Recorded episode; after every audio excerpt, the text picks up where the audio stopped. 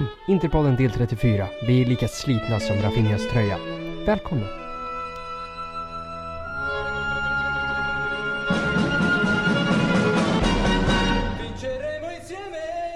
Ja men visst något sådär. Helt plötsligt var man tillbaka i racet och då är ju givetvis Interpodden tillbaka. Det hade vi ju varit oavsett vad. Det är två omgångar kvar av säsongen. Vi börjar se ljuset i slutet av tunneln men det betyder ju inte att vi på något sätt kommer trappa ner tempot. Så därför har vi ju liksom full trupp idag. I och med denna fulla trupp så har vi då mannen vars analyser är så knivskarpa att de inte får bäras på offentlig plats på grund av knivlagen. Jakob Planell. Shit vad... Jag trodde att det var Sandrak som skulle bli presenterad Men eh, tack så mycket. För, kul att vara med igen. Tungt. Eh, och med honom så har vi ju då mannen vars taktiska insyn är så djupgående så att den räknas som överlagt mord. Sendrak Preto. Överlagt mord alltså. Och ja, det säg- bra. Kul att vara med. Och sist men inte minst givetvis mannen vars åsikter är så explosiva att han inte får gå på ett flygplan. Jag tror i alla fall det är därför. Binan Alatar.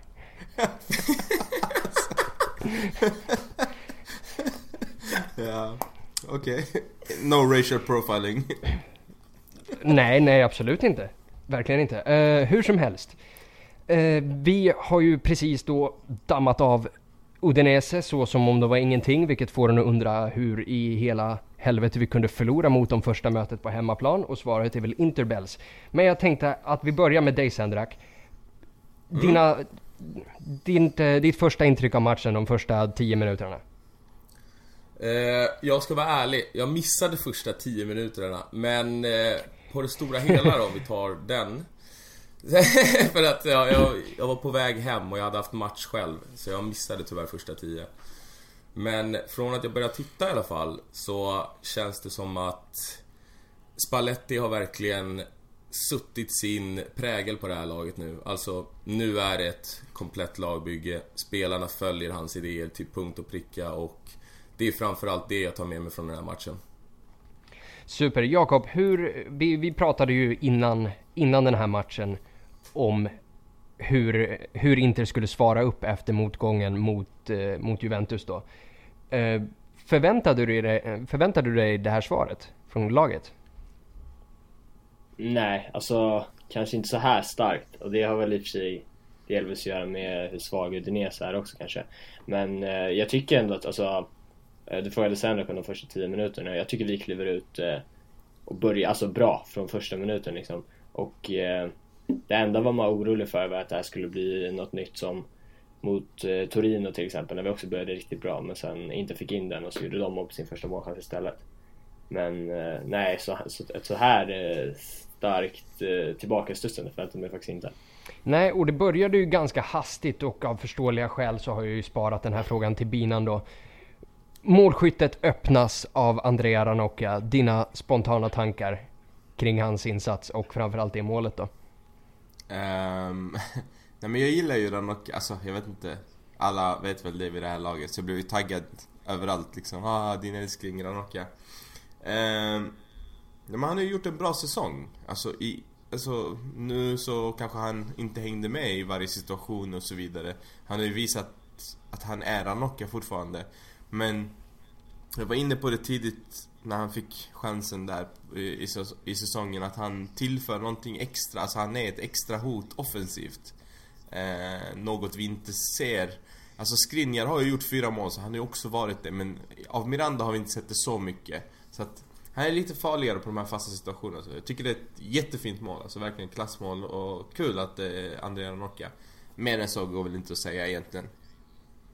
Ja, och det Inte du... det här, är inte det här alltså ännu ett tecken på Spallettis storhet? Att han lyckas rehabilitera en spelare som Ranocchia som under så många tränare i fler än bara Inter, alltså i flera olika lag, där han inte har presterat och säga vad man vill om hans tidigare insatser i Inter tror jag, men i år har han faktiskt gjort det bra. Och det kan man absolut inte ta ifrån honom. Och frågan är som sagt, hur mycket ligger Spalletti bakom det här? För jag tycker verkligen, precis som jag var inne på nyss, alltså det är väldigt, väldigt tydligt att han har fått ut sina idéer nu. Spelarna fattar exakt vad de ska göra i varje läge. Och det är där vi, därför, i alla fall enligt mig, det är därför vi asfalterar Udinese i slutändan. Alltså vi såg det mot Torino, där vi borde ha vunnit med flera måls marginal. Vi eh, såg det mot Udinese i första matchen. Vi, eh, vi körde över Kevio nu för inte så länge sedan. Eller nej, inte första matchen. Men andra matchen, ja. Där körde vi väl över dem tills att de gör ett mål i slut och vi får lite panik. Men jag tycker verkligen att om man jämför med tidigare upplag av Inter till exempel som med Mancini där vi ändå ledde serien ett tag in på säsongen. Där var det mer individuella prestationer som fick det Alltså som fick poängen att trilla in. Nu är det ett spel, nu är det ett kollektiv som verkligen hela tiden har en klar idé om hur man ska skapa chanser. Alltså... Ja, eh, jag, jag, tänker i och med att du börjar prata där om att eh, rehabilitera spelare och sådana här grejer Sendrak. Bara för att du tar upp det då. Så vill mm. jag ju fråga hur din rehabiliteringsteori appliceras på Antonio Candreva efter den här matchen. Vadå, han har ju fått tillbaka ja. honom till den han är. ja, jo det... När var han inte den, den han var? Det är ju mest det jag undrar då i sådana fall. Nej, och anledningen egentligen, alltså den stora anledningen till att vi inte redan har säkrat en Champions League-plats för mig är faktiskt Antonio Candreva. Alltså att Jävlar. Gör du noll mål... Ja nej men alltså jag, nu kommer den stora motorsågen fram igen alltså. Gör du noll mål... Gör du noll mål i ett topplag som högerytter slash högerforward. Alltså, det är självklart så kommer det spela in för resterande laget. Alltså man måste få ut mycket, mycket mer utav den positionen än vad vi har fått tidigare. Och jag tycker alltså att man... Eh, man ser klart och tydligt att Inter spelar mycket bättre fotboll nu än vi har gjort på flera säsonger. Framförallt, eller både försvarsmässigt och i anfallsspelet. Alltså vi skapar ju chanser egentligen hela tiden. Och det är inte bara för individuella prestationer utan det är som sagt för att spelarna vet vad de ska göra i varje lägen. Och har man en spelare, har man en klart bättre högerytter då hade, den här, då hade vi redan säkrat Champions League. Då hade vi inte haft den här finalen, eller troligtvis den här finalen mot Lazio i sista matchen.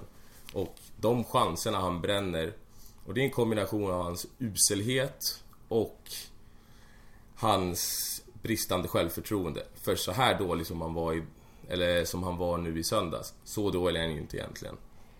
Men eh, jag tycker att han har till stor del, alltså man kan lasta honom till stor del för hur säsongen har gått. Det, det är smått imponerande att alltså Kandreva har spelat 2444 minuter den här säsongen utan att göra ett mål.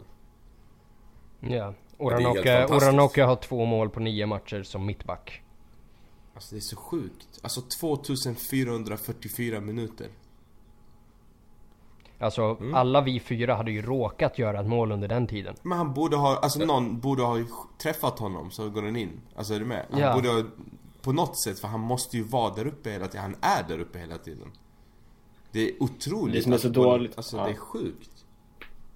Det som är så dåligt också med den här grejen är att eh, det har blivit uppenbart nu på sistone hur det här sitter i hans huvud. Alltså det, han har ju det här läget nu eh, när han, eh, han kommer typ halvfri från högerkanten och eh, Alltså det ser inte ens ut som ett skott liksom. Det är som ett inlägg som går över. Alltså, det är helt bisarrt liksom. Det är bara för att han, han, han litar inte på sin egen förmåga vilket är helt rimligt. Men eh, det är alltså... men det är alltså... Det, det påverkar hans spel tycker jag också att liksom det, han, tar, han tar sämre beslut än vad han har gjort och alltså han är ju stressad, klart, av att han inte har gjort något mål nästan. Nej men alltså, för jag kan förstå att tränare gillar många utav hans egenskaper. För att han gör ju alltid en bra arbetsinsats, han är väldigt bra i pressspelet. Han har ju varit en anledning till att vi har strypt många utav kontringarna som vi åkte på tidigare år. Alltså att han kliver upp på bollhållaren framförallt när eh, det motståndarlaget är i sin uppspelsfas, då stryper han många av anfallen direkt genom att sätta press på rätt sätt, styra dem åt rätt håll. Men i offensiven, han är ju totalt odyg, oduglig. Alltså det, han bidrar ju knappt med någonting. Visst att han lyckas slå ett inlägg av sina 5000 missade och någon sitter på pannan. Men det, han är, ja, som sagt den stora orsaken till att vi inte har säkrat en Champions League-plats enligt mig. Ja, vi har till och med just... fått Dembrosio och prestera. Lägga. Ja men och just då tänker jag att man kan eh, ponera frågan för inte bara liksom gör han ju bort sig i sina egna lägen han och liksom han har ju blivit en, en ren säkerhetsfara. För det är ju två situationer i den här matchen där han med en enkel sidledspassning kan frispela Icardi en gång och Perisic en gång. Och han väljer att gå på usla avslut själv. Så, Jakob, hur mm.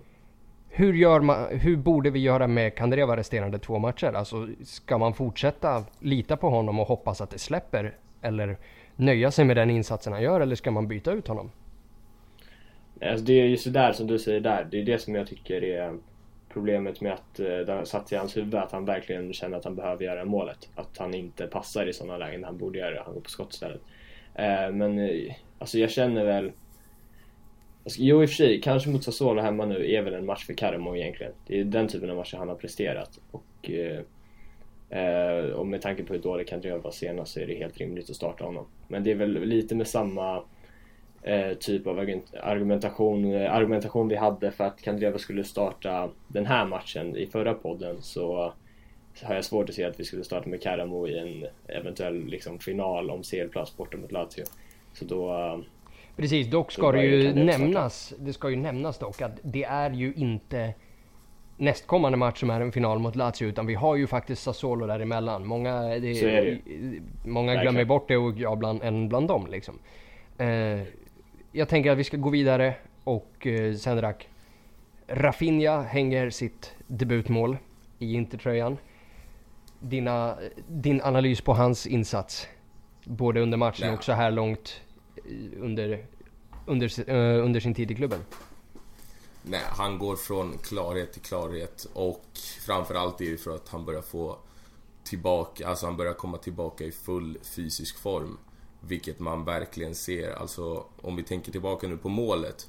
Hur han verkligen nästan trycker sig fram och det finns ett, helt, det finns ett helt annat tryck i löpsteget. När han tar sig fram och en självklarhet som vi kanske inte riktigt har sett tidigare. Så jag var väldigt nöjd med honom och det jag kände innan han gjorde målet är att vi kanske, kunde, vi kanske borde kunna utnyttja honom ännu bättre. För hans stora styrka enligt mig, det är att han sätter sig själv i bästa möjliga läge hela tiden. Alltså han kommer in i rätt vinkel till varje passning för att sen antingen jobba med eh, riktningsförändringar där han flyttar på motståndare eller att han sätter andra spelare i läge. Alltså framförallt att han sätter spelare i fart. Så jag, alltså, jag kommer ihåg att vi pratade om vem vi skulle välja helst mellan Cancelo och Rafinha och jag sa ju solklart Cancelo i det läget. Nu idag, det blir ju bara svårare och svårare om man måste välja no. mellan de här två. För det är ju alltså, det är ju en klassspelare. Han är så jäkla bra. Alltså det är, det är otroligt. Jag, jag älskar verkligen den här spelartypen som är så smart och tar rätt beslut i princip hela tiden. Framförallt så vill jag ju lyfta just det sättet han gör mål på. För vi pratade ju lite grann här om, alltså om man då blickar tillbaks mot Jao Mario. Och Jao Mario förra säsongen hängde ju ett antal mål ändå. Eh, och sen kom hela den här jättedippen där killen, där, alltså, där killen inte kunde göra mål om hans, hela hans familjs liv hängde på det. Från en halv meter. Men det är ju en stor skillnad i hur han gör det här målet mot de målen Jamario gjorde. För Jamario han petade in någon där, någon nick där och någon retur där. här vänder han ju bort en motståndare och borrar den hårt utav helvete i en, vid en stolprot. Det där är ett klassavslut. Mm. Mm. Så ja, absolut. Rafinha är ju, Rafinha är ju en en mycket, mycket fin spelare och om vi tappar honom så kommer man ju gråta floder. Och en annan kille som man kommer gråta floder om man tappar, vilket vi inte ska göra. Jag kommer aldrig förlåta någon alls i världen om vi tappar honom. Och det tänker jag att Binan och jag ska prata lite om nu. Mauro Icardi. Du och jag som sitter var och varannan helg och bara små ejakulerar lite grann internt. Så han hänger ju tredje målet och det är ett fantastiskt mål det där, eller hur Binan? Alltså allt han gör är fantastiskt höll jag på att säga. Nej men alltså Jag vet inte, jag typ så här, Jag är inte eh, normal när jag pratar om Icardi, när jag tänker på Icardi. Han är för mig Alltså helt fucking otrolig. Alltså han är, ja. Det, det blir typ känsligt. Eh, Precis. Ja. För, för just det målet är ju, alltså målvakten blir ju helt ställd av det. Alltså att det, han kommer ju egentligen ur vinkel men lyckas på något sätt bara lirka in den ändå. Det är, så, det är ett så ologiskt mål. Alltså man, man, tänk, man tänker typ att, men nu kom du ur skottläget. Och han kollar liksom upp en gång och sen bara drar han till. Så målvakten fattar ju själv inte, alltså vadå, han är ju inte i, i läge. Nej. Alltså hur skjuter han därifrån? Och sen så ser det ju ut som världens målvaktstabbe, vilket det kanske är. Eh, det är klart att han ska ta första stolpen liksom. Men eh, samtidigt kan man inte liksom undgå, det här är klass. Alltså ren, ren och skär klass. Ja, och där vill jag alltså framförallt lyfta hans kvaliteter lite grann för vi ser ju vid det målet att han har bara, alltså det, vi leder 2-0 vid det läget. Och han har möjligheter att spela lagkamrater både på utsidan och på insidan. Men han har bara bestämt sig att nej men nu, den här ska jag göra. Det här är mitt mål. Och sen gör han det och därefter börjar han servera bollar. Till, liksom, till exempel hans assist till Rafinha och så vidare. Alltså, Alltså, så det... det vi- visst är det hans enda assist på hela säsongen? Icardis? Nej, det kan det inte vara. Nej, nej, nej. Han har en till Eder mot Torino hemma. Okej. Och sen har han en till. Snyggt Jag att du sätter den Jakob. Boom. En. nej, men, nej, men han har, jag tror han har en till också. För enligt officiella Eh. statistiken så har han en assist den här säsongen. Eh, Ja, fast någon sida säger också två. Men jag kommer inte ihåg den andra så det är ja, jag Nej men jag tycker det är ganska, för, att, för det kan man ju tolka på olika sätt men för mig är det så här: shit Alltså killen, ge han bollen, han gör mål, det finns inget annat Alltså han behöver inte tänka på någon annan eller tänka på Alltså han tänker bara, hur får jag in den här bollen som jag har vid, vid mina fötter in i mål här och nu? Eller så kan man Ja, vända, det tycker- eller så kan man vända på det och tänka så, ah men vad fan han Ja, alla serverar honom, han passar inte och så vidare om man eh, Om man är- så är föredrar det- Eder och, grabbarna Men alltså, Gabigol, Gabigol. alltså grejen med... mm, eh, Det finns en... eh, Jag har börjat bli lite nördig med en statistiksida eh, som är så expected goals. Det är någon sån ny grej. Det är inte superbra så det är ingen fläckfri statistik. Men det är i alla fall någon slags algoritm på liksom den värderar varje avslut lag tar och hur många liksom hur stor chans det är att det blir mål där. Och då har Icardi liksom har en siffra på både hur många expected goals han har borde ha gjort den här säsongen liksom. Och då ligger han, han har gjort fler än vad som är expected. Om du förstår Alltså, jag så här. fattar. Men och dessutom så här expected assist finns också. Mm. Så han, har, han borde ju ha typ fem assist eller någonting enligt den här. Så det är ju Mm. det är, det är ju lagkamrater som missar lägen när han serverar dem också. Mhm. Så det är mm, till skillnad från Immobile typ som har åtta assist men han har ungefär lika många expected assist som Icardi. Mhm. Coolt. Men, alltså, det, det stora med Icardi framförallt känner jag den här säsongen, alltså att han har ju utvecklat sitt targetspel. För förut tyckte jag att han, han, sa, han kunde ändå inte suga ner bollarna riktigt, låta laget andas lite och sen fördela dem utan han är ju klart mycket mer delaktig i uppspelsfas och så än vad han var tidigare. Och det är det man älskar att se, en spelare som tar steg hela tiden framåt. För det tycker jag han gör varje säsong och nu är han ju nu är han ju bra på allt. Nu kan ju till och med slå sin gubbe, vilket han absolut inte kunde göra till en början. Och det är självklart. Han, är ju, han var ju ung när han kom till Inter. Och så det framförallt- förstår man att han är inte är fullärd. Men alltså att han, nu är han, nu är han ju bra på i princip allting. Och framförallt det jag tycker att han verkligen har utvecklat i år. Alltså utöver de här grejerna som du nämner i hans passningsspel, i hans, alltså hans delaktighet i uppbyggnaden. Allt det här som folk säger att det här är liksom en måltjuv som bara han bara tap-ins. Men nej, det gör han inte. Alltså han är, han är kung över alla människor, djur och växter på planeten. Men framför allt det som han verkligen har, som jag tycker är den stora skillnaden från förra säsongen. Alltså hans fysiska råstyrka. Det är ju mycket jävla svårt att plocka bollen av honom. Mm. Och det var något jag reagerade på bara, bara första matchen på plats mot Fiorentina när han, vad heter det, när vi startar säsongen med att få en straff efter 10 minuter ungefär. Nagatomo slår en lång boll upp och han knuffar ifrån två försvarare och det slutar med att de tvingas sparka ner honom för att få stopp på honom. Absolut vidunder till människa och Och framförallt alltså att se den här prestationen från honom efter den, det rånet och det oheliga som hände mot, mot Juve. Alltså det här är en sann jävla lagkapten vi har här. Mm. Och, och, jag kan säga så här, det har ju blivit lite snack om hans gestikulerande i matchen, bland annat eh, mellan mig och Elvis då. Men... Eh, Otipp. Ja, jag, jag, alltså, jag, jag förstår någonstans här att, att det ser kanske inte så bra ut på TV och... Alltså, om man jämför det med Brozovic när han, eh, vad ska man säga, var ur form och fortfarande betedde sig ganska grisigt och slog ut med armarna och sånt. Alltså en lagkapten som gör det på det sättet samtidigt som han för varje bra grej klappar och liksom får med laget. Alltså det är för mig en helt annan typ av, av eh, viftande och...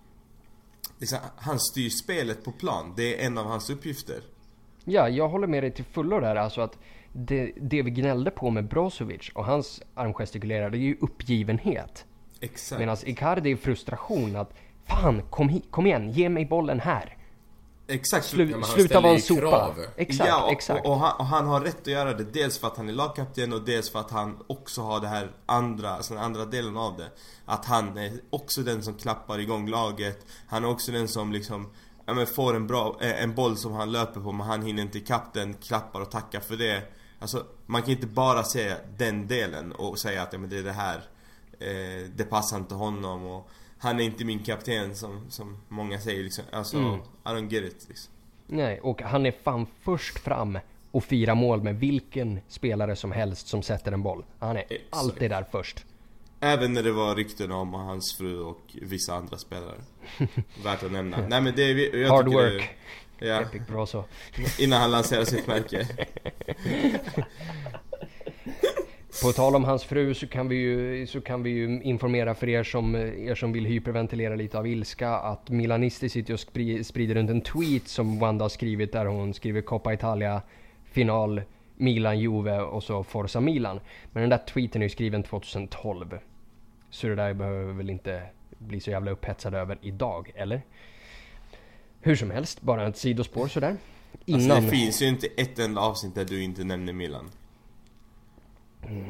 Ja, jag, jag, jag får ju nog rota djupt i arkivet i alla fall, men någonstans kanske det finns. Eh, hur som helst, eh, vi har ju faktiskt ett fjärde mål eh, av en spelare som har varit ganska hårt ansatt av kritik, vilket jag har argumenterat är, är helt obefogat och helt orimligt. Eh, Jakob, håller du med där eller tycker du att den släng av sleven som Borja Valero har fått var, var rättfärdigat?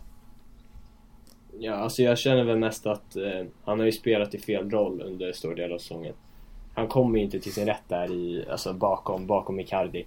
Eh, då får han jobba alltför för mycket felvänd och det är inte, det är inte hans roll helt enkelt. Den rollen han spelar i, ja, mot Udinese, det är där han ska vara. När han är en del av uppbyggnadsspelet och, ja men som jag säger, kommer rättvänd och um, får um, fördela boll helt enkelt. Alltså, så jag tycker inte att liksom spelaren spelar i fel roll så ska man ju, då är det ju Spalletti som ska ha skiten liksom.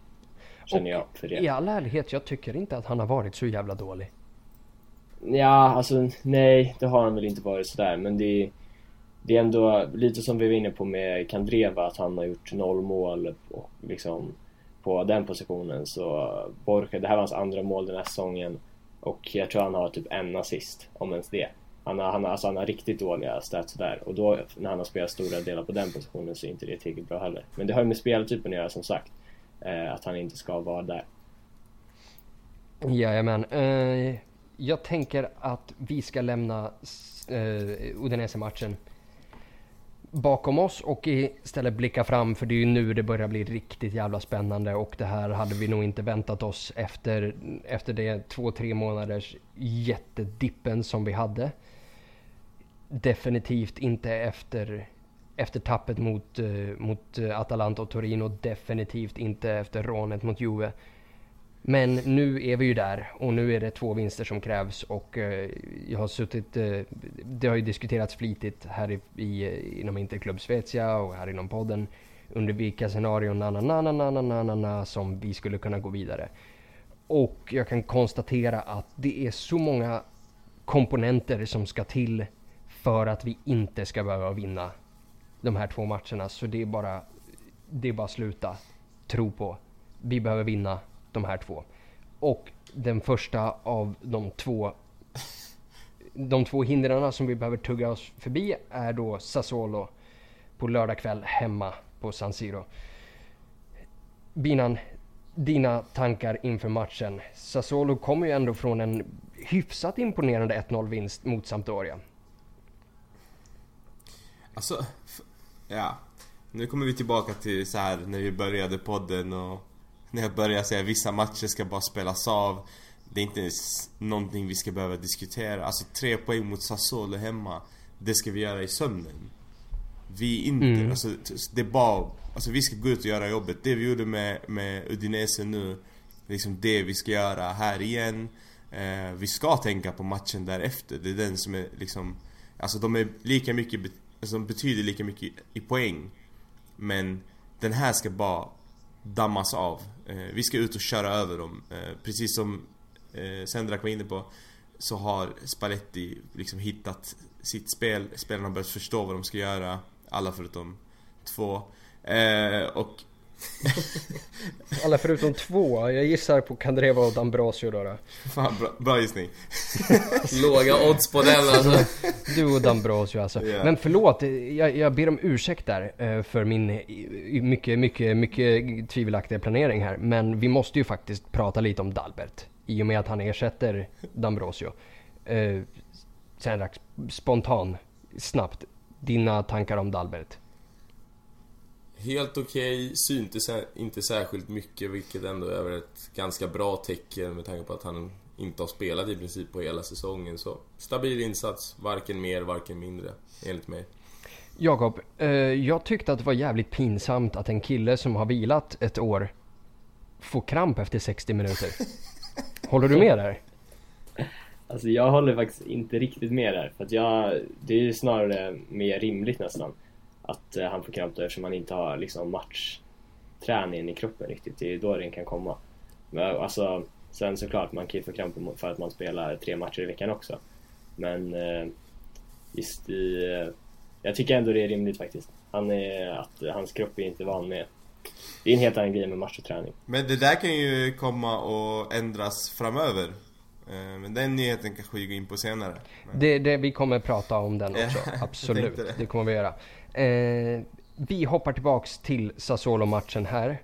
Eh, Sendrak, hur, eh, om du har sett något av Sassuolo den här säsongen, det tror jag inte att det är jättemånga av oss som har, för vad fan skulle vi för? Men är det någon spelare i Sassuolo som man bör, bör hålla ett öga på? Ja, det är väl om nu Berardi, Politano Möjligtvis Berardi kanske vill imponera nu på någon större klubb för att det är väl ändå dags för honom att lämna. Men alltså Sassuolo har ingenting att spela för.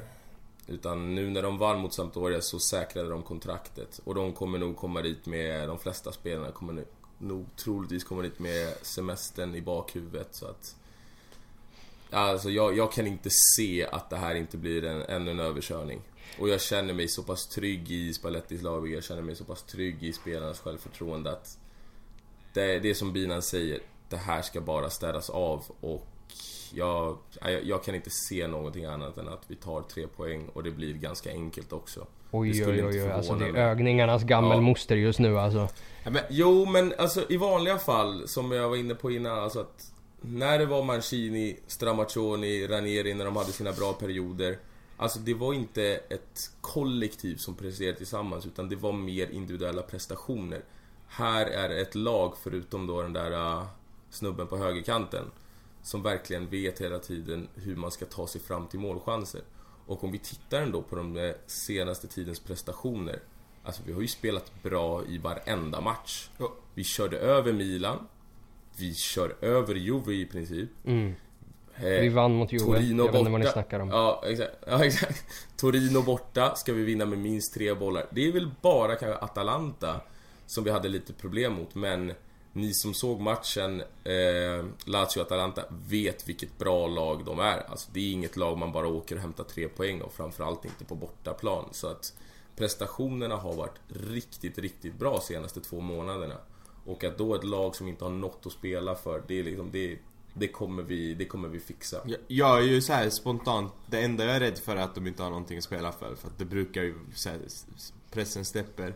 Men det, det som ska sägas är att Sassuolo har ju, alltså på fyra senaste matcherna gjort, eller förlåt, ja, på fyra senaste matcherna gjort totalt fyra mål. Eh, de har vunnit tre av de matcherna. Alltså med 1-0.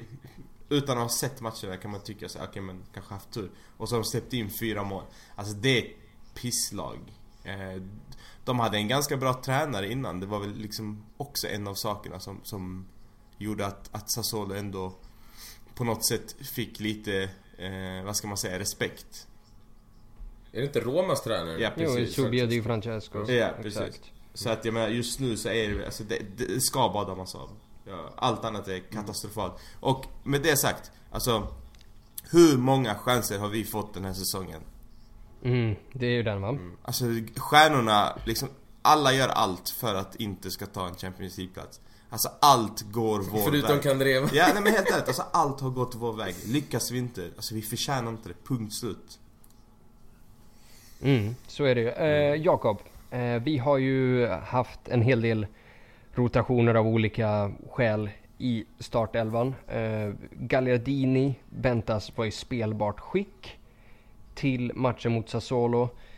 Eh, Vesino tillbaka från avstängning, D'Ambrosio tillbaka från avstängning och det rapporteras idag också att Mirandas skada i början på, i, under uppvärmningen mot Udinese inte är allvarlig alls och är spelklar även han. Hur hade du ställt upp laget mot Sassuolo? I, sett i bemärkelsen att vi då har den riktiga, det riktiga kriget veckan efter. Yes. Um, jag hade ju tagit tillbaka D'Ambrosio i startelvan uh, efter avstängningen. Och uh, på Dalberts bekostnad då, får det ju bli. Även fast jag inte tycker att han gjorde en dålig insats. Men ja, det, alla förstår väl varför eh, vi borde återgå till den vanliga backlinjen. Och då inkluderar jag ju då Miranda också förutsatt att han, hans skada är okej. Okay. Eh, på mittfältet så skulle jag inte sätta in Gallardini i den här matchen. Både för att eh, hans spelartyp behövs ju mer i bortamatchen mot Lazio. Så därför vore det ju dumt att riskera honom här.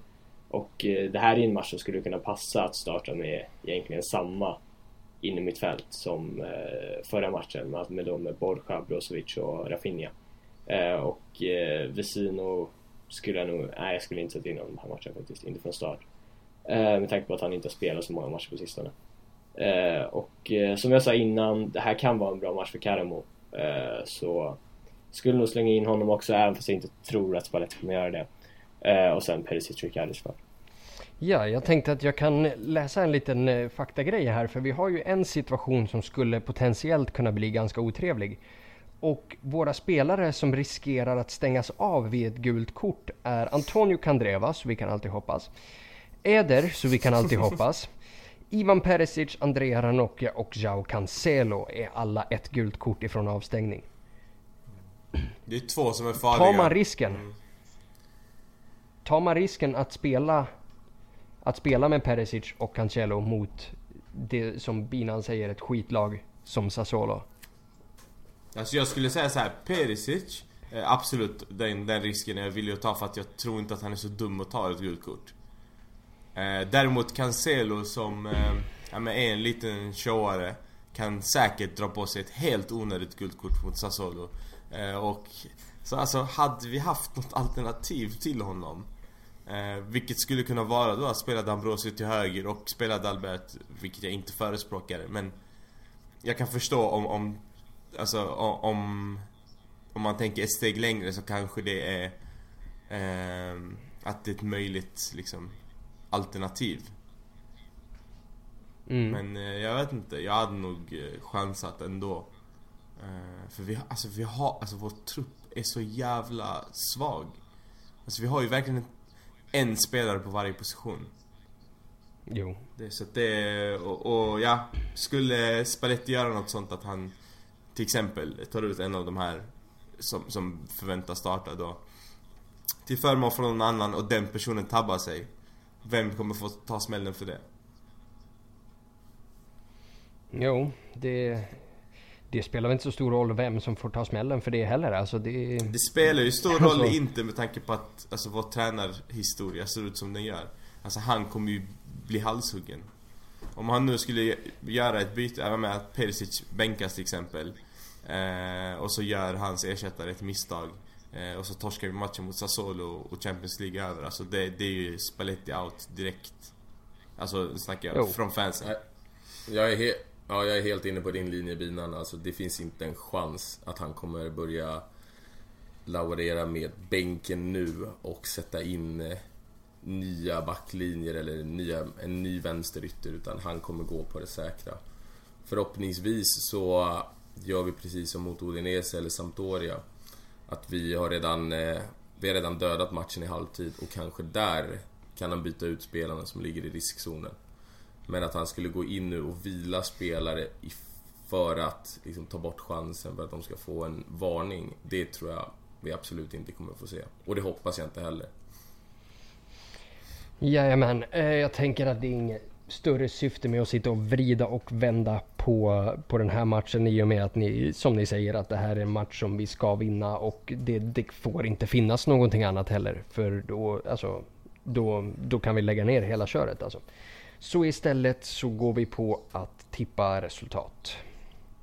Är det någon som känner sig manad att börja? Jag kan börja. Jag Jag kan ta... Eller kör Bina.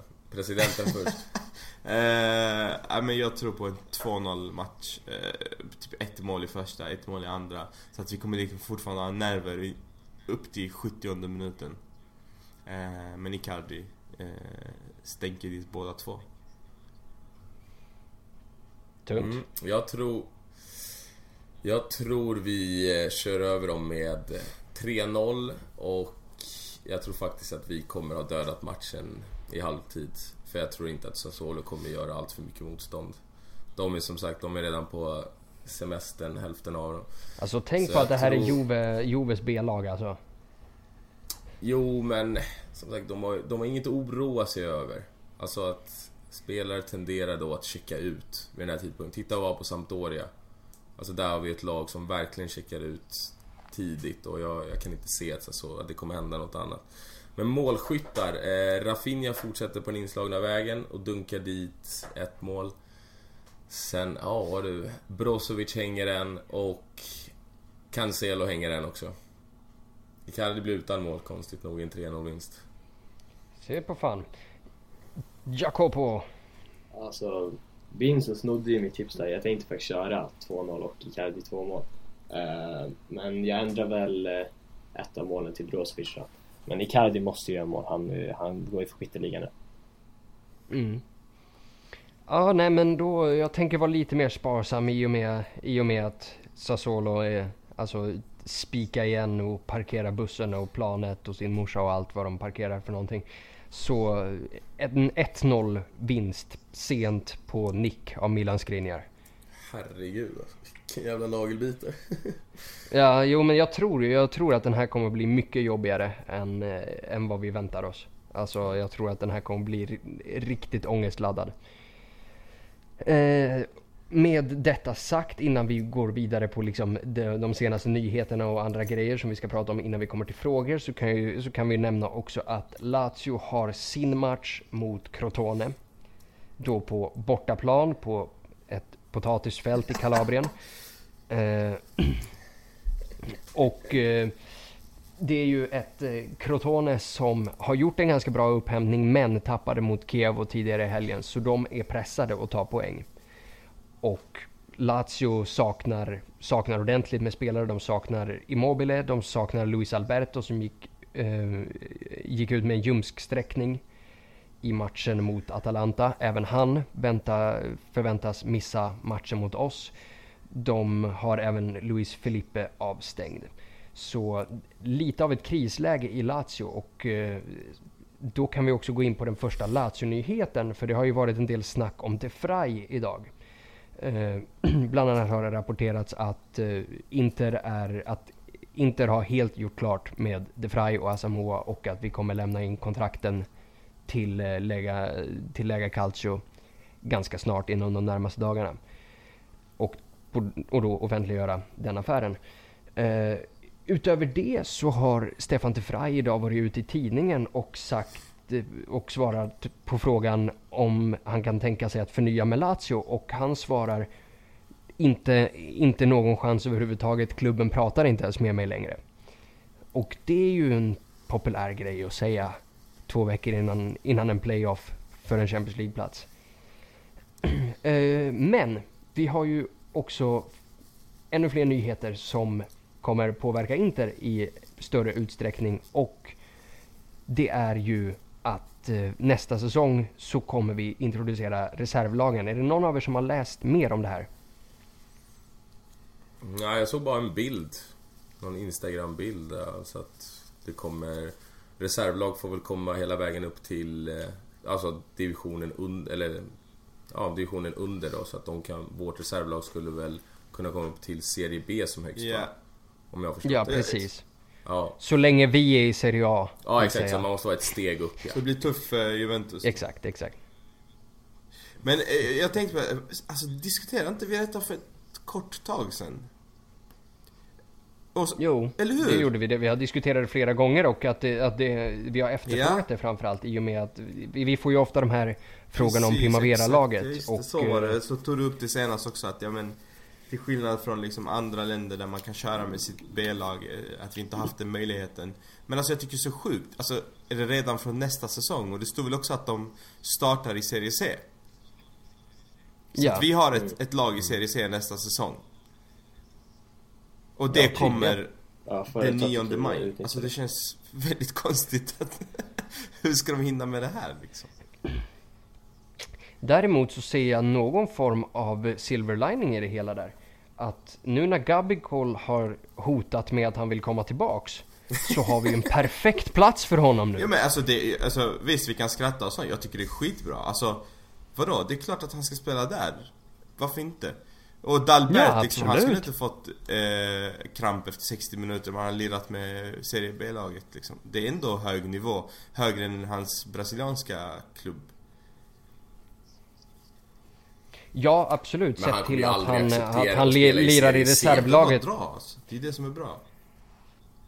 Ja, ja, ja, men, men sån som Dalbert också. Det finns ju tillräckligt med lag som kommer vara intresserade för att han inte ska stanna i ett serie C. Perfekt. Det, det förstår Perfekt. ni väl? Perfekt. Alltså det kan ju ge oss, ja. men det, precis. Alltså, det kan ju ge oss möjligheter att skeppa iväg spelare också. För att det här har ju alla liksom, om du kollar Premier League-klubbarna så har ju de utnyttjat det ganska hårt. Ja men du får spela med U23-laget eller vad det nu kan vara.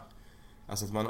Men de är väl inte med i seriesystem? Nej men de, Nej. de har väl en egen serie för det, är det inte så? Ja, ja de har det finns U23-serien. Ja, det är ju ja. ungefär samma sak egentligen så. Fast där det blir ju en annan grej när det är ligasystemet liksom. Exakt, där det blir ju riktigt tävlingsmatcher. Ja, ja, de möter ju riktiga lag. Men alltså jag, men, jag menar ändå så här, de kan ju inte spela med Primaveran. Alltså den chansen har man inte haft i Inter. Om de inte är barn.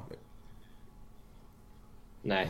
Nej, och det är ju just det som gör det så bra då i att istället för att vi ska behöva skicka iväg våra ungdomsspelare till, till serie C-gäng och sådana här grejer där de liksom, eller serie B eller serie A där de sitter och ruttnar på bänken. Alltså till exempel, vi har ju den här veckan har vi lackat till ordentligt på Standard Liège som eh, spelade van Hoisten i början och nu får han inte spela överhuvudtaget så nu är det snack om att vi ska avbryta det lånet. Eh, och på det här sättet är det ju så mycket bättre att vi får ha dem in-house och då kunna ansvara för deras vidare skolning själva istället för att behöva skicka iväg dem till FC Qatar eller något sånt där skit. Ja exakt, för att när du skickar iväg spelare på lån, alltså den klubben som tar in en inlånad spelare, alltså de har ju fortfarande, de ser ju bara till den säsongen. De skiter väl i hans utveckling, utan de vill ju ha resultat direkt om sen killen inte presterar. Och då är det klart de sätter honom på bänken för, säg att en inlånad spelare skulle prestera, ja men då tar ju klubben som har lånat ut honom, då tar man ju tillbaka honom. Ja men Så exakt. jag, jag tycker det, det här är ju en jättebra lösning. Framförallt för storlagen men, då. Men vet, vet man någonting ja. om liksom hur, hur det funkar rent ekonomiskt? Alltså kan man... regga spelare i, för, för spelarna kan ju spela i alltså det här reservlaget eller vad man ska kalla det. Och även i A-laget, eller hur? Ja, Ja, det, det tar måste jag för givet. Så, så är det ju, så är det ju i Spanien och... Och, och, och då tänker jag så här, skulle man kunna, alltså finns det någon fiffeldel i det? Att man kan, ja men vi betalar lönen från den här klubben. För det blir ju en egen liksom sido... Ja, nej det blir ju, det blir ju inte det. Alltså, det, ju, det kommer väl funka på samma sätt som till exempel, jag kommer ihåg när Milito kom tillbaka efter skada så spelade han ett par matcher med Primaveran och sådana där grejer. För att komma tillbaka i form. Jag tror att det kommer fungera ungefär på samma sätt så du kan nog gå ganska fritt. Men vi kan, Alltså det är ju samma arbetsgivare Ja. och samma men klubb vi kan ge dem en till, en, en tröjsponsor för reservlaget. Eh, och dra in 20 miljoner euro till eller något. Är Absolut. du med? Alltså, men jag, liksom tror säkert, ja, men loka- jag tror säkert man kan hitta liksom, alltså att det finns den aspekten också, att man kan få in andra saker. Eh, att, Ja men givetvis alltså Serie C TV-sänds på lokal-TV. Ja. Alltså vart du än är. Alltså när jag sitter och kollar italienska Serie C och D när jag är och hälsar på brudens familj. Liksom. det är fett Det är konstigt. fantastiskt dåligt men Men vad kan bli baksidan då? Att vi måste värva in mycket fler spelare då också? För som du var inne på Binan, vi kommer ju inte spela Primavera-laget fullt ut. Utan det kommer ju vara seniorspelare också. Och då kommer vi behöva en mycket större trupp. Ja. Ja fast Eller? om vi, det, det förutsätter ju att vi bryr oss. Det, det, då tar ju du för givet att vi bryr oss om Serie C. Ja, Men- men- men vad ger det då om vi inte bryr Men oss om vänta, en det? sak till här kommer jag att tänka på. Visst har Juventus haft ett B-lag hela tiden? Ja, Udinese Nej men och de har haft ett, men de har haft ett Juventus som spelar i Serie B? Jo då. Du, Nej, tänk, det du blandar ihop dem med Juve, Juve Stabia, ja. Ja. Det ett lag som heter. Ja, det är inte ju Juve. Det är, samma, det är samma sak som att det finns... Eh, vad heter de? Lupa Roma. Men det, de hänger inte ihop med Roma Är ni heller. säkra på det? Ganska hundra ja. Ja. För jag har för mig att de till och med hade haft möjlighet att kvalificera sig upp till Serie A någon gång och så har de inte fått det för att det är Juventus. Det, som sagt, du, du får hemläxa på det här binan. Du får jättegärna göra lite efterforskningar till nästa avsnitt och berätta för oss. Men jag tror, jag tror inte det är så, nej. Hur som helst, jag tänker att eh, är det någonting mer vi behöver, vi behöver få sagt innan vi går in på frågorna här? Nej. Jag tror väl att vi har gått igenom det som behöver gås igenom så här Mm. långt. Eh, Så vi har fått in jäkla massa bra frågor här idag och jag tänker att vi ska försöka beta av de allra flesta så långt det bara går och i och med att vi då har pratat om matcherna så kan vi ju egentligen börja med Olof Olsson. Fixar vi CL-platsen? Boys, vad säger ni? Vi kan börja med Jakob. Fixar vi CL-platsen den här gången? Alltså, jag känner lite så här att eh, Alltså löser vi det här, vinner vi de här två matcherna, går till CL, då Då är ändå det här inte liksom de, alltså, de här spelarna med Spalletti, då är det the real deal på något sätt för mig.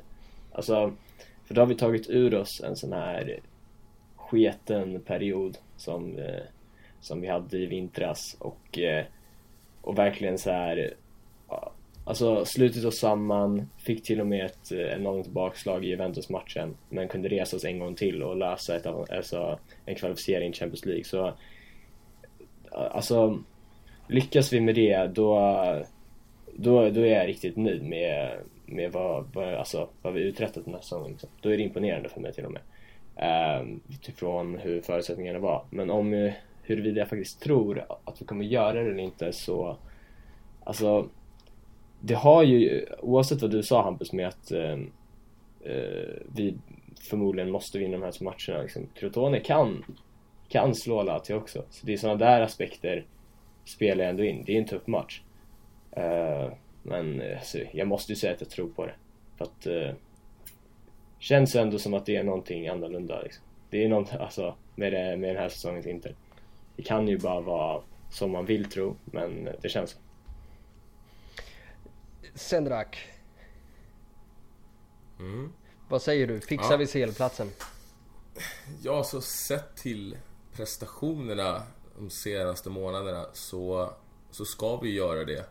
Och jag känner framförallt att Lazio då, de går på knäna i dagsläget. Alltså man börjar se inte minst på att spelare börjar skada sig. De är inte alls lika självklara i sitt spel de få gångerna nu jag sett dem på senare tid. Så jag känner mer att, för vi har ju fått flera livlinor nu, som vi har varit inne på. Och vi har kunnat ta den här platsen för länge sedan egentligen. Men det känns nästan mer som att Lazio kommer kasta bort Champions League än att, vad ska man säga, vi tar den ifrån dem. Så jag... Eh, jag vet inte, jag har ju sagt hela tiden att vi, att vi inte kommer göra det men vi, det känns som att vi är i sånt jäkla momentum nu. Det finns ett... Det finns ett så bra självförtroende i laget och Lazio, till skillnad från oss då, de känns inte lika självklara. Så jag tror faktiskt, jag, jag tror jag kommer ändra mig lite här. Jag tror faktiskt att vi tar det. Och jag hoppas, eller det här låter kanske lite konstigt och ni får försöka följa med på mitt resonemang här. Men det känns nog bättre ifall vi måste vinna mot Lazio än om vi ligger före dem. För ett Inter som ska gå in och försöka spela för ett oavgjort resultat, det tror jag kommer sluta i katastrof. Behöver vi vinna matchen, då tror jag att vi kommer komma ut som ett helt annat lag och verkligen gå före. För det är så känns med Spalletti alltså. Att han går före, han fegar inte ur. Mm. Binan, du är ju den, troligen den av oss fyra här som har varit mest skeptisk till våra CL-chanser under, eh, under säsongens gång. Mm. Vad säger du nu med två matcher kvar? Nu, är det, nu har vi ju det, det är rakt framför oss nu. Det är bara att sträcka sig fram och plocka det. Ja, alltså jag säger ju att vi måste bara plocka det. Alltså att det inte är någonting annat än så. Eh, men att, ja, precis som vi har varit inne på så det är svårt, jag vet fan, jag vet, jag vet inte hur jag ska liksom svara på ett bra sätt.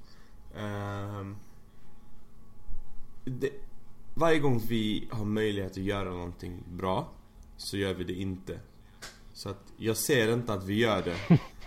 Nej men alltså helt ärligt, för att vi har haft det liksom eh, Alltså i, vad heter det? Alltså avstånd Alltså just grab it, alltså bara ta platsen, det räcker. Eh, och bara det att vi liksom ledde ligan långt in på, eh, ja men till och med när, när den vände, hålla, eller hur? Ja, det var väl precis ja. där vi tappade. Ja, men kanske... Tror det, var... det hade i alla fall gått nästan halva säsongen och vi ledde ligan. Och så nu sitter vi och diskuterar om vi vinner våra två sista matcher för att ens komma topp fyra. Alltså det är så sjukt så det finns inte så att Eh, nej, jag tror att vi har liksom fått alla möjligheter och kommer inte klara av det. Mm. Ja, jag är ju en av dem som har suttit här och varit mest optimistisk och egentligen trott på det här sedan dag ett. Men, however, eh, häromdagen, vad heter det, kort, när jag gick och la mig kort efter Udinese-matchen så hade jag faktiskt en dröm om hur vi satt här och liksom bara skrek och svor och, vilket gick in i total tomhet efter att vi hade förlorat mot Lazio. Eh, och jag vaknade i chock och rökte hur många cigg Alltså kedjerökte som en, som en vårdarbetare med två år till pension. Alltså det, så, det kändes som en sån här total uppenbarelse som att man kunde se in i framtiden på något sätt. Så nej, tyvärr alltså det här. De som var med och följde Inter 1998. Och eh, är det? det är 2002 med Gresco, eller hur? Mm. Ja. Mm. Det, ni som var med då, ni vet lidandet. För oss som inte var med då så är det här, det här kommer bli våra motsvarighet, tror jag tyvärr. Men Lazio, alltså nu, Immobile sägs ju kanske bli spelklar, men vilken form kommer han tillbaka till? Samma sak med Luis Alberto, alltså deras två spelare som har ja, Luis, Al Luis Alberto är helt körd. Är helt körd, ja. ja exakt. Så att de sa, det är ju egentligen Milinkovic Savic då, som också fick en smäll i senaste matchen. Nu spelade mm. han i och för sig ändå. Ja. Jag tror han, han avslutade väl ändå matchen. Men ja, alltså, det, det här, det känns lite som att Lazio går på knäna nu.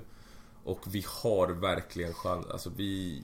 Jag tror faktiskt att vi kan... Vad vi får den här finalen nu och eh, verkligen tar tag i matchen, så tar matchen till dem, så tror jag att vi kommer fixa det. För eh, försvaret ser, det vårt försvar ser riktigt bra ut. En Immobile som troligtvis de kommer chansa med, vem vet om de kanske kommer behöva kasta bort ett byte redan i första 10 minuterna eller första kvarten. Alltså, vad kommer det sätta för spår i laget och Förlåt, hela den här psykologiska... Ja. förlåt för att jag avbryter men är det någon av er som har koll på vad för skada han har? Mm, Nej. Nej. Vad, Immobile? Ja. Var det inte något med baksidan typ? Jo det är väl baksida baks- lår. Baksida Ja, lår. det det är ju- ju rätt allvarligt. Liksom. Ja, och det brukar ju vara... Alltså om ni, jag vet inte om ni minns när eh, Atletico chansade med Diego Costa Ja, i exakt. Champions League-finalen. Alltså jag En sån lite, grej kan man ju tänka sig, ja exakt. jag, jag ser lite samma scenario där, där Diego chansade med honom och han fick kliva av efter fem minuter kanske.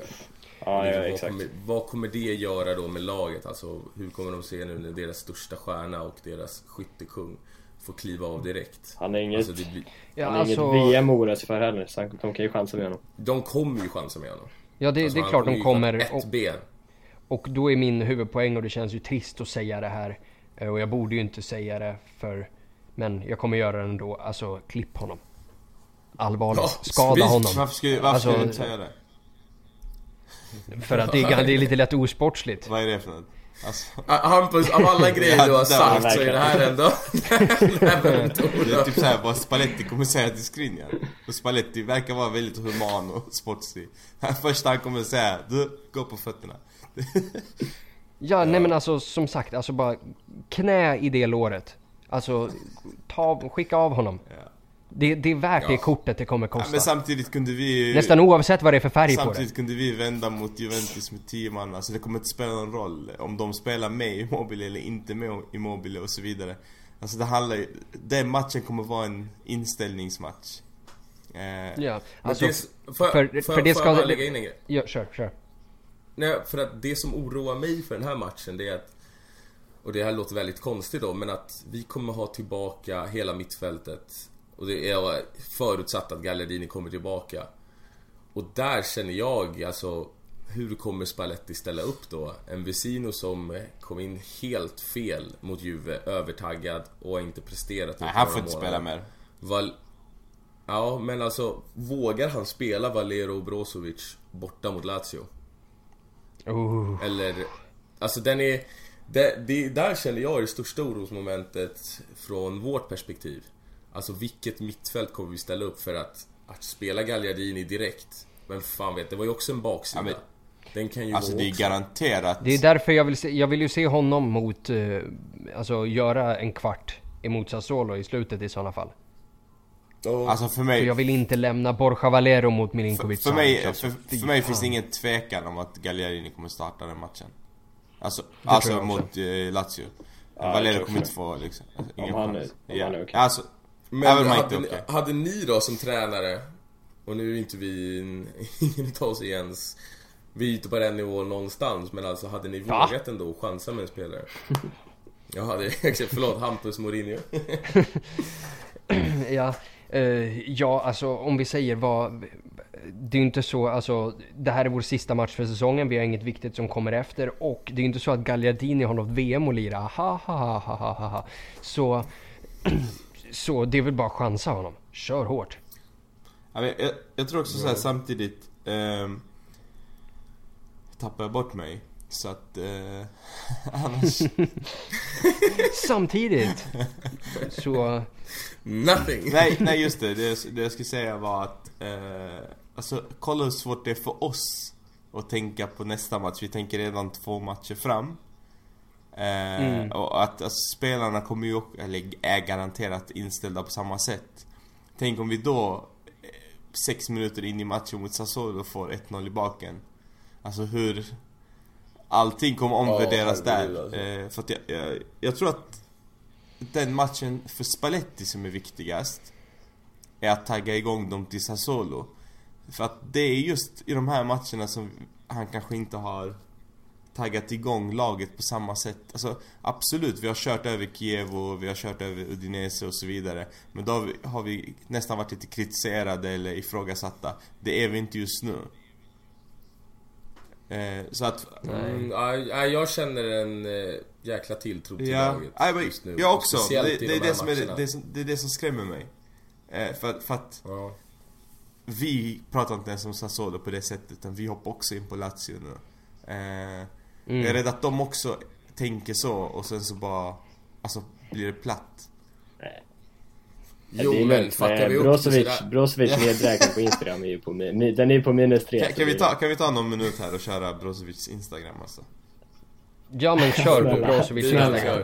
Alltså, alla har väl fattat att det är någon annan som styr hans Instagram nu eh, Och försöker till och med göra så att det ser jättepersonligt ut, så att det ser ut som Brozovic eh, Genom att då ladda upp på storyn video på hans dotter var femte minut som eh, Det är ingen skillnad på någon video han laddat upp, jag har aldrig fattat varför han laddar upp dem Alltså det är bara, han filmar henne, ja, woho! Eh, dina, de som följer, följer din fotboll Man kanske förstår när man blir förälder. Jo fast alltså han lägger upp Ja, fem nej. videos i rad Det är ingen skillnad på, alltså, jag- eller jag vet inte, jag ser ingen skillnad. Det är hans dotter och hon le leker liksom. Uhu. Och sen så, och sen kommer ett inlägg eh, Då snackar vi bilderna som han laddar upp. Och då är det så här perfekt skrivet igen. Eh, Samma personer som kommenterar bilderna. Så att den här, det finns någon Fra Facchinetti. Så, Ah. Misstänker, misstänker faktiskt att det är han som styr kontot. Eftersom att varenda eh, liksom post som läggs upp Perfekt skriven, han kommenterar direkt och han får lika mycket likes på sin kommentar som, som bilden. Eh, Och nu har ju, alltså nu driver ju alla med Brozovic. Eh, Alltså nu snackar jag spelartruppen.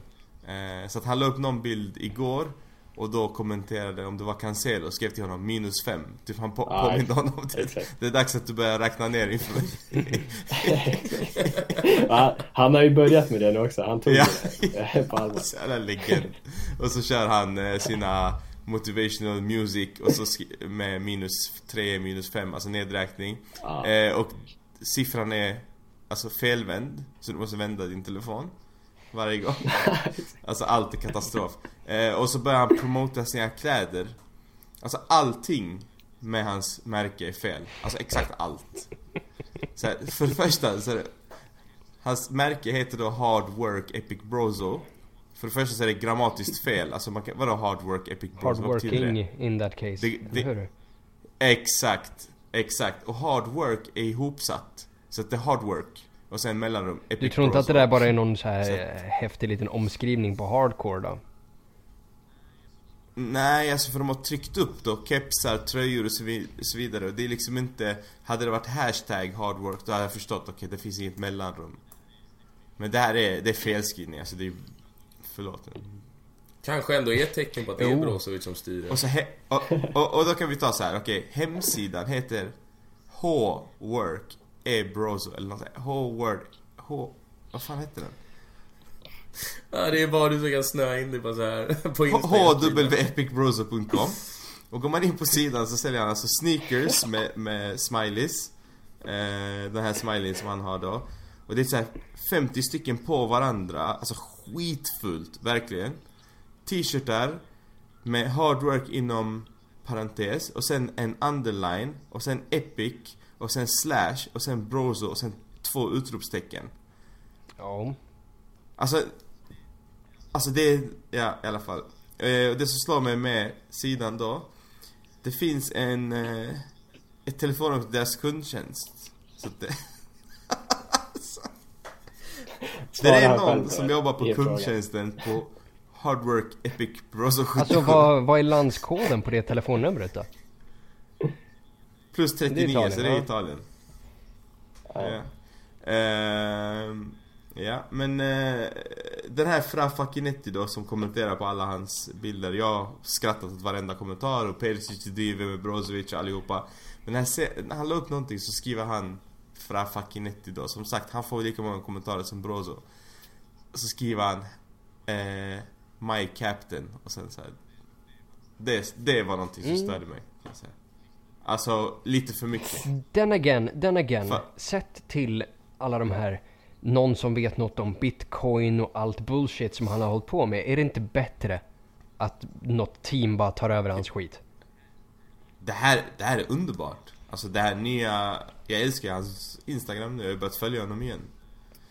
Eh, så att absolut, det är underbart. Men eh, jag, jag kan ta en bild från sidan eh, på hans tröjor och så ska jag ladda upp den i gruppen. Så ska jag för, förklara vad det är för nivå här. Eh, nu kan vi lämna Brozovic. Det, det låter bra där. Eh, vi, vi, kan lämna honom fast vi kommer ändå inte lämna honom för jag har faktiskt fått en fråga specifikt ställd till mig, för jag är speciell. Mm.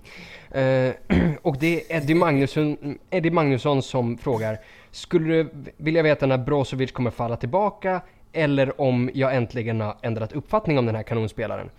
Eh, och jag sa ju inför Juve-matchen att ett intressant test på Brozovic som karaktär är ju att då inte få tre, vi vann men vi fick inte tre poäng mot Juve. Eh, och då se hans reaktion efter det och hans reaktion efter det, han la ju in en precis lika stenhård insats mot Udinese. Alltså det här en av, en av de bättre presterande mittfältarna i den här ligan just nu. Alltså det märks tydligt, Inter börjar bli oroliga över att över att hans utköpsklausul på 50 mil, att någon faktiskt kommer att gå och dega upp det. Samma kille som vi var, som vi var villiga att kränga till Sevilla för 18 mille i januari. Alltså så om vi ser hur snabbt det kan svänga. Om jag har svängt om Brozovic. Eh, om vi säger jag börjar se jag börjar se ängen, alltså grä, det gröna gräset på den andra ängen. Uh, men jag är inte riktigt där än. Men jag hoppas på, jag hoppas på att faktiskt komma dit för det... Man kan ju inte säga något annat än att det han levererar just nu är absolut, absolut världsklass. Ingen diskussion. Ännu ett tecken på Spallettis storhet. Absolut, absolut. Ännu ett tecken på Spallettis storhet men faktiskt också eh, smiley-kepsen av för Brozovic också. Ja, absolut. Men han har fått ut det vi har vetat att Efter han har 36 matcher. Vilket ingen... Jajamensan. En liten lättsammare fråga här då. Georgios Ioannidis. Vilka är era favoritpizzor? Oj. Får man svara något annat än kebabpizza? Alltså med tanke på att jag är arab och sådär. Inte kebaben turkisk? Jo men du vet. Vi, vi är alla turkar. Ni claimar den. vi är alla Är du längre söderut än Danmark så ja. Du var turk. ja, eh, vill ni, jag kan köra min då. Jag, ja men kör. Jag jobbade ju väldigt hårt. Mezzaluna ett bra tag. Sen även Hawaii, vilket jag kommer del skit för, Keskifoso! Ja, jag kan tänka. Men nu har jag blivit lite mer klassisk här på äldre dagar så säger Vesuvio. Oj, oj, oj. Mm. Don Jacopo. Ja, jag... Han är capricciosa. Ja, det är ju faktiskt. Och då, då är det ju det är så svenska pizzerias version av capricciosa. Inte den i Italien med någon sån här fisk eller vad det är på Eller någon sån här, ja. Vad fan är det? Oliver typ. Jag vet inte. Men det är inget bra alltså. Eh, jag råkade beställa det någon gång när jag var liten. Men eh, ja, det är den klassiska capricciosan i Sverige. Den är säkert kort. Får, får jag bara innan ni fortsätter svara. Sådana här frågor är roliga Ja. faktiskt. Ja, ja. Alltså, Jag Ja, här. speciellt nu när jag kommer med min som ingen i hela världen kommer hålla med om. Alltså, jag Mm. gillar ju en pizza med liksom tonfisk. det är så jävla nice. Tonfisk och lök. ja, precis. Eh, Don och tonfisk, Cipolla. Det lök. är, det är inte shit bea. alltså. Men jag, jag brukar alltid säga så här, men jag vill ha tonfisk, lök, svartpeppar eh, och så Och ansjovis. Nej, men jag vill ha tabasco på innan den gräddas i ugnen. Så, Wow. Jävla finsmakare. Ja. Bilen går och ställer sig där bakom. Så här gör du brorsan. på- jäsa. Eller i Nacka för den delen. Eller cykla, ja whatever. Hampus då? Får jag, får jag gissa? Ja. Mhm. Ja, men jag skulle säga att du också, alltså, ja men, fan, alltså, med tanke på liksom så här. Hade jag bara sett dig utan att veta att du är en Italien-fantast. Eh, fastän du inte är det, men en inte Nu kommer det något vegetariskt, eller hur? Nej, men, men i alla fall frukt på pizzan hade jag nog gissat på. Får jag en sån fruitcake eller vadå alltså? Ja, men då, ra- då, då rastaflätor och sånt. Ni äter säkert frukt på pizza. Vilken bra jävla fördel. Jag tänker att om man smälter sex sorters ost över ett lager med maja så... Berätta då. Mm. Ja, nej, eh, jag, jag tänker väl drämma till med, är jag i Sverige så kebabpizza och eh, är man i, Italien så bara alltså mozzarella ansjovis, alltså det är oslagbart. Så sån är jag. Eh, jag tänker att Det står vi 3-0 ska... till Juventus, så du vet. Ja. så jävla dåliga. Benatti har gjort två mål. Vad fan det stod 0-0 när jag kollade för typ 10 minuter sedan. På sex minuter har de gjort. Tre mål. Nej, de är så jävla skit alltså. Allvarligt, alltså på riktigt, jag såg någon retweeta den här som Milan, som Milan, eh, vad fan heter de? Typ FC, Sempre Milan eller vad fan de heter. Som de la upp i början på säsongen, den här eh, Nike-eventet när de typ skjuter straffar eller vad fan de gör och André Silva slår Icardi.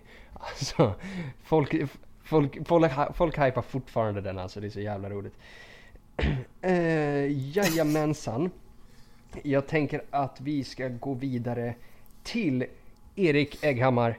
Vilka svenska spelare skulle ni vilja se i Inter? Och det här kan ju bli intressant. Är det någon som har någon? Bara, finns det bra svenska spelare? Eh, Ja, du hade väl claimat ja, Forsberg? Forsberg va? hade jag faktiskt eh, garanterat Alltså, velat se nej. Inter.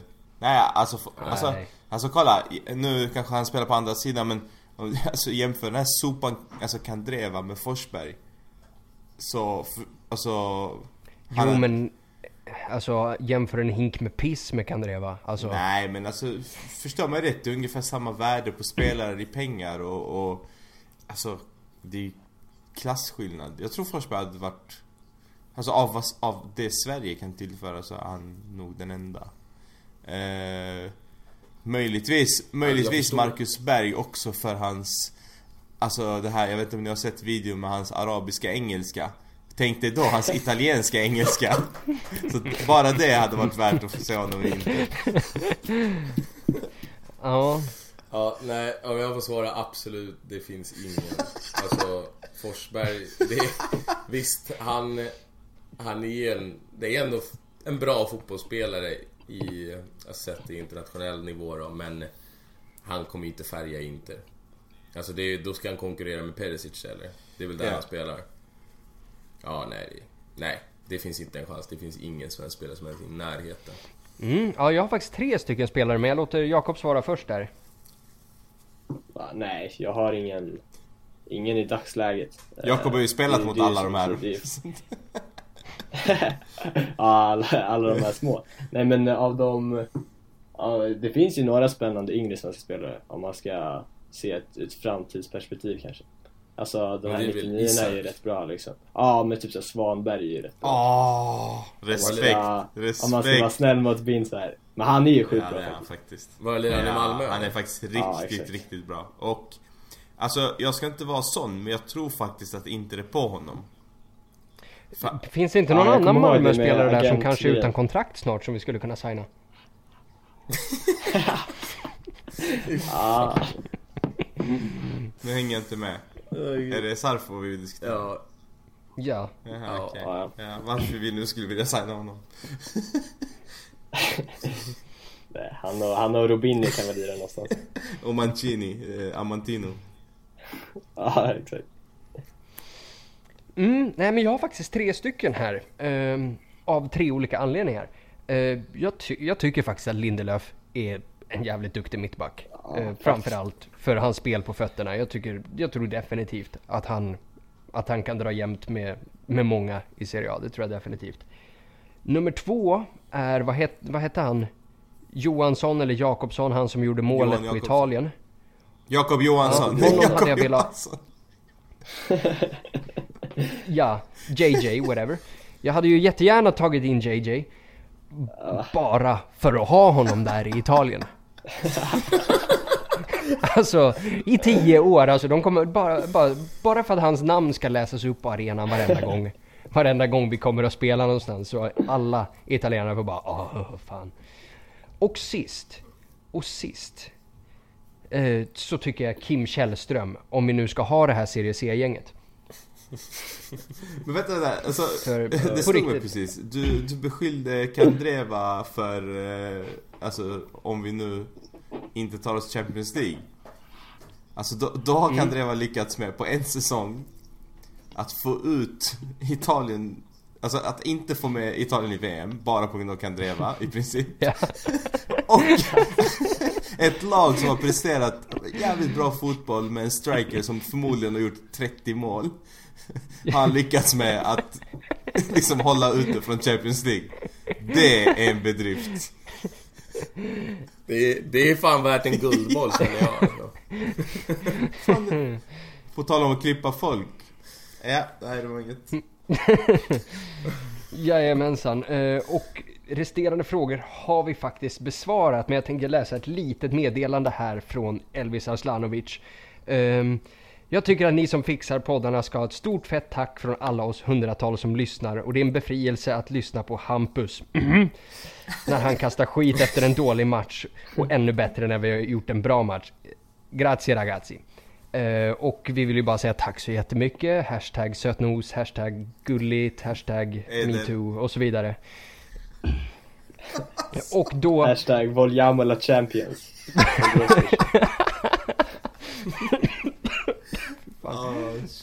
Fuck me. Mm. Alright, det, det, så låter, det låter som det är dags att ta en cigg för dig så vi kanske borde avrunda. något åt det hållet. Ehm, så, tills nästa vecka. Tack så jättemycket för att ni har lyssnat. Eh, vi kommer troligtvis i nästa avsnitt ha en hel del ny info om vad som kommer hända med Interpodden här framöver. Det är big stuff på gång vill jag lova. Så, tills nästa gång, Forza Inter. Vogliamo la Champions. Vogliamo la Champions. Hej, ciao.